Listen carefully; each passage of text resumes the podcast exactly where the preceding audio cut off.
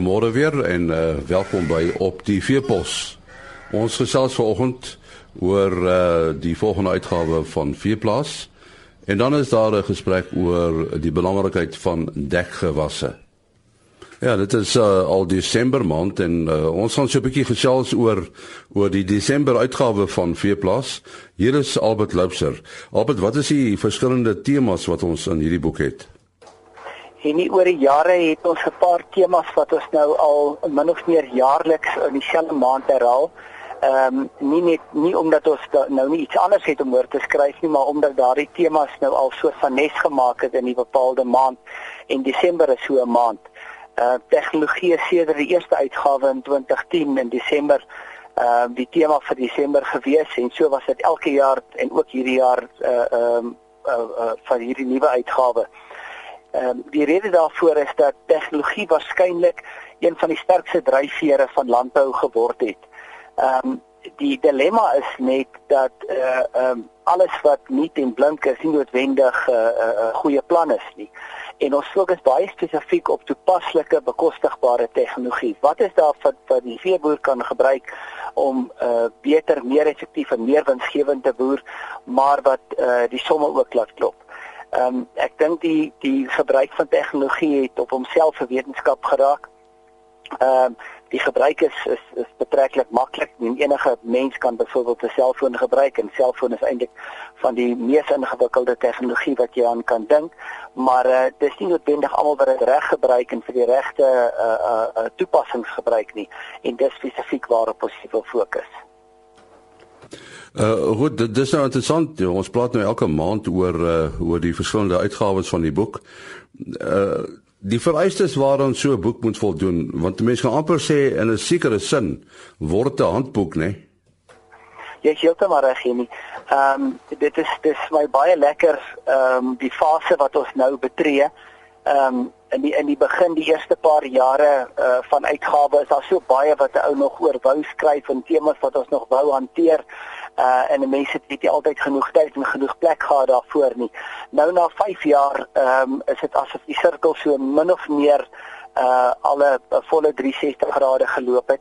Ehm um, uh, ons begin dit al meer en meer kry dat byvoorbeeld nou Februarie maand tradisioneel is ons kouvoer maand nou al vir die laaste 4 jaar.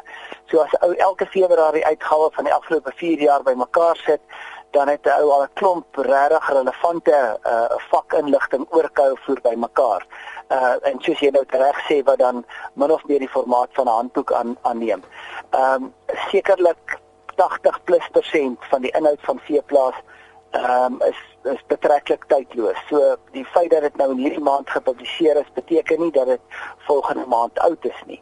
Dit mag dalk nie volgende maand relevant wees nie want ons skryf baie streng in die seisoenskonteks.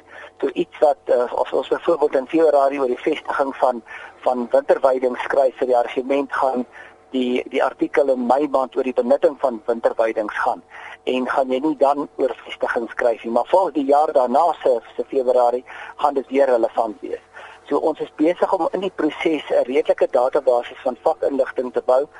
Uh van die ouer boere sal onthou uh die ou landbou tegniese dienste het um 'n wonderlike uh, uh, datastel gehad, 'n uh, data uh, bladsy wat jy kon kry uh, oor hoe om 'n drukgang te bou en allerlei sulke interessante dinge. Ehm um, dit het nou al in 70er jare of ek dink vroeë 80er jare uh, was dit nie meer beskikbaar nie en ons wil graag glo dat dit wat ons in T-plaas publiseer ehm um, amper dieselfde doel dien. Uh, ons navorsing het nogal redelik bevestig dat die raklewe van die tydskrifte baie goed is boere hou as hy een keer 'n veeplaas gekoop het, hou hy die tydskrif, hy gooi hom nie weg nie. Ehm um, die die uh, glanspapier waarop ons druk help ook dat dat die boek lank mooi sal bly. Uh, dat ou dit so kan doen en omdat ons in 'n kont in 'n in 'n in 'n seisoenskonteks skryf, is dit baie maklik vir 'n boer om te weet dat byvoorbeeld die die die steenkalf uh uh fokus sal gewoonlik ergens in Mei maand wees. So as hy net teruggaan na vorige jaar uh in in in my maand gaan hy waarskynlik iets kry oor oor speenkalvers. So geld dit nou vir somerweidings of uh 'n uh, uh, kalftyd of dektyd of watter relevante tema jy ook al dink is maar seisoens gekoppel en dit maak dit maklik om dit weer in die hande te kry. So dit is 'n ander manier van landbou voorligting, né? Nee? definitief. Ek dink ehm um, uh, uh, uh, jy jy jy is absoluut reg. Ehm um, die hele konsep van landbouvoorligting in Suid-Afrika het dramaties verander. Uh, ek het my loopbaan ook begin as 'n landbouvoorligter, destyds nog vir Steterie wel in die suiwelbedryf en in daardie tyd het seker 80% van van veekundige uh, veekundige studente wat klaar gemaak het op een of ander manier betrokke geraak by voorligting het sy by 'n uh, destydse koöperasie of by 'n landboubesigheid of by uh, een van die van die bemarkingsrade. Ehm um, maar daardie diens het sedertdien ontrent heeltemal verval. Daar's baie min maatskappye wat uh, 'n suiwer voorligting diens nog nog aanbied. Uh wat wel gebeur het is baie van hierdie ou voorligtingsbeamptes is vandag uh, uh maatskappyverteenwoordigers, hulle is verkoopsmanne, maar hulle is baie kundige verkoopsmanne want hulle ken hulle vak. En ek dink dit op op sigself het 'n het 'n nuwe dimensie van voorligting gebring. Ehm um, dit dit is dit het nou wel die die ehm um, potensiële nadeel dat 'n uh, ou kan redeneer maar hierdie ou probeer iets aan my verkoop daarom sal hy 'n bepaalde vak ondersteun. Maar uh, die mense is wetenskaplikes en ek dink die oorgrootste meerderheid van die van die voorligting is nog steeds baie kosbaar. Maar uh, jy is heeltemal reg dat die die eh, die die doel wat of wat ons probeer regkry met veeplaas het definitief 'n baie sterk uh, voorligtingsfokus en ons hoop dat dat die inligting wat ons publiseer uh, toepaslik sal wees vir boere as hulle inligting nodig het Uh, Albert, hoe hou julle by die by die nuus? Ons beleef nou 'n kwai droogte, maar sê nou maar net julle sou artikels skryf oor droogte en dit begin skielik reën. Wat maak julle? Uh, en dit is 'n baie groot dilemma vir ons. 'n uh, uh, Ou het maar altyd voor en nadele uh wanneer jy 'n bepaalde formaat kies. Nou on, in ons geval is dit 'n maandblad. Uh, ons glo 'n maandblad dit is 'n uh, dit is definitief 'n internasionale tendens uh om tydskrifte met 'n maandelikse frekwensie in uit, uit te gee omdat uh, die digitale wêreld uh so onmiddellik dat uh, as jou frekwensie meer as een keer in, in 'n maand is dan kompeteer jy baie uh, uh, sterk met die digitale wêreld.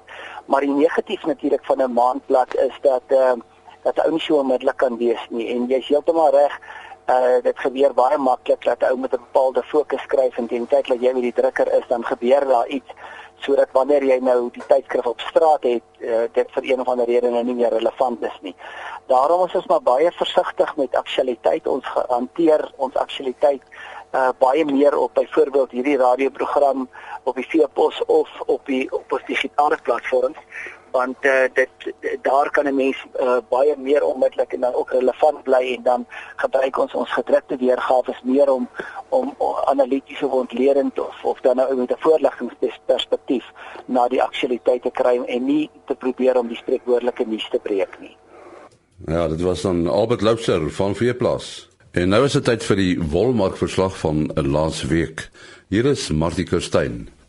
Die bestendige vraag na wol het pryse op die pas afgelope wolveiling ondersteun.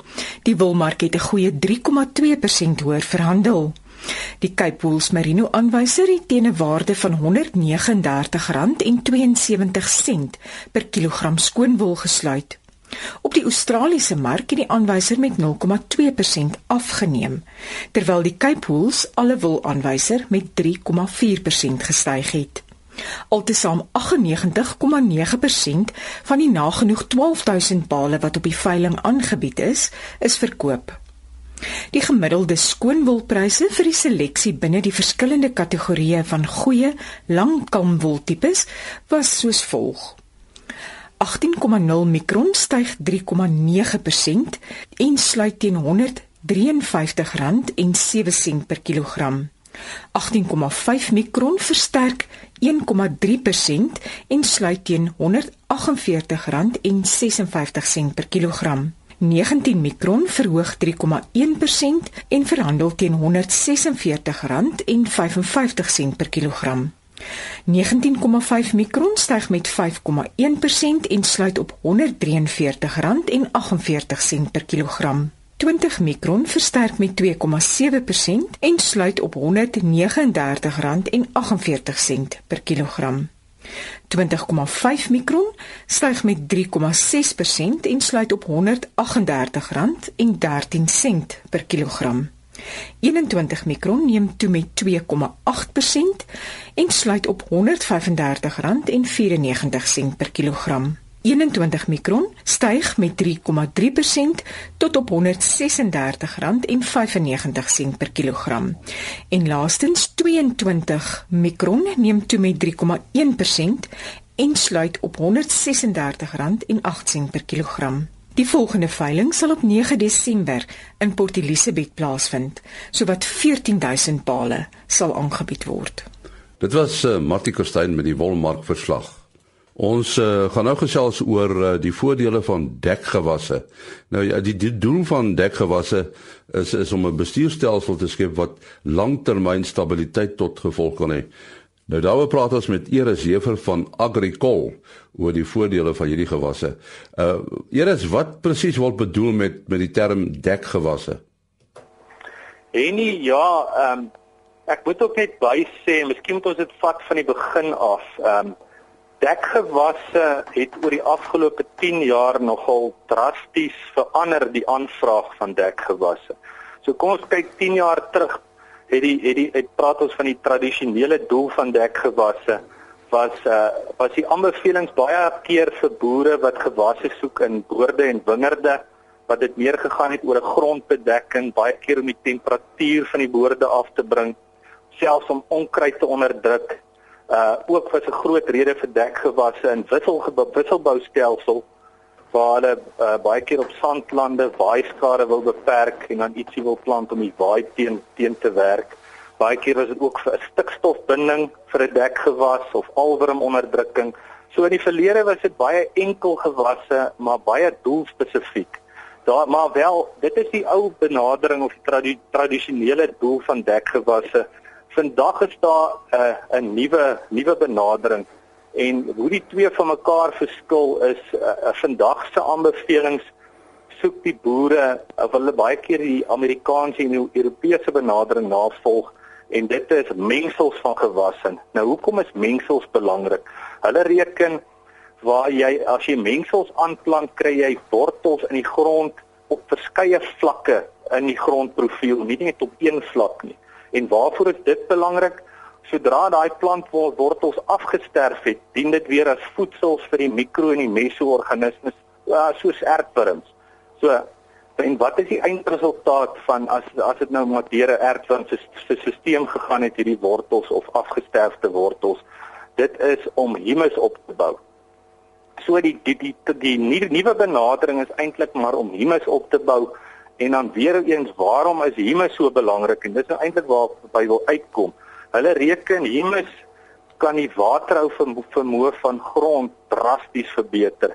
So met min vog kan jy natuurlik verder kom omdat daai humus in die grond die water lekker vashou uh, wat amper soos 'n spons dien. Verder ook kan die waterinfiltrasie in die grond verbeter. So uh, stort by gaan na minder water wegloop en meer van die water gaan in die grond ingaan. So daai infiltrasie vermoë verbeter en oor die algemeen is die grond baie gesonder. So maar pasop weer eens in die bedryf is daar nou natuurlik weer ehm uh, uh is daar nou ouens wat dit weer in die oortreffende trap doen en wat 'n verskriklike groot klomp goed in so mengsel aanbeveel wat nie altyd vir my sin maak nie. En ek noem sommer daai mengsels die shotgun tipe mengsels, sommer 15 of 20 verskillende produkte ek sê uh, of my aanbevelings of of die in die saadbedryf behoort die aanbevelings te wees dat dit doelspesifiek moet wees. So wat ook al die boer se behoefte is, moet dit sin maak vir die boer en ons moet daai mengsel aanbeveel om by die boer se behoefte te pas. Nou eer is jou telefoonnommer? Is 083 461 6675. Sê hom weer.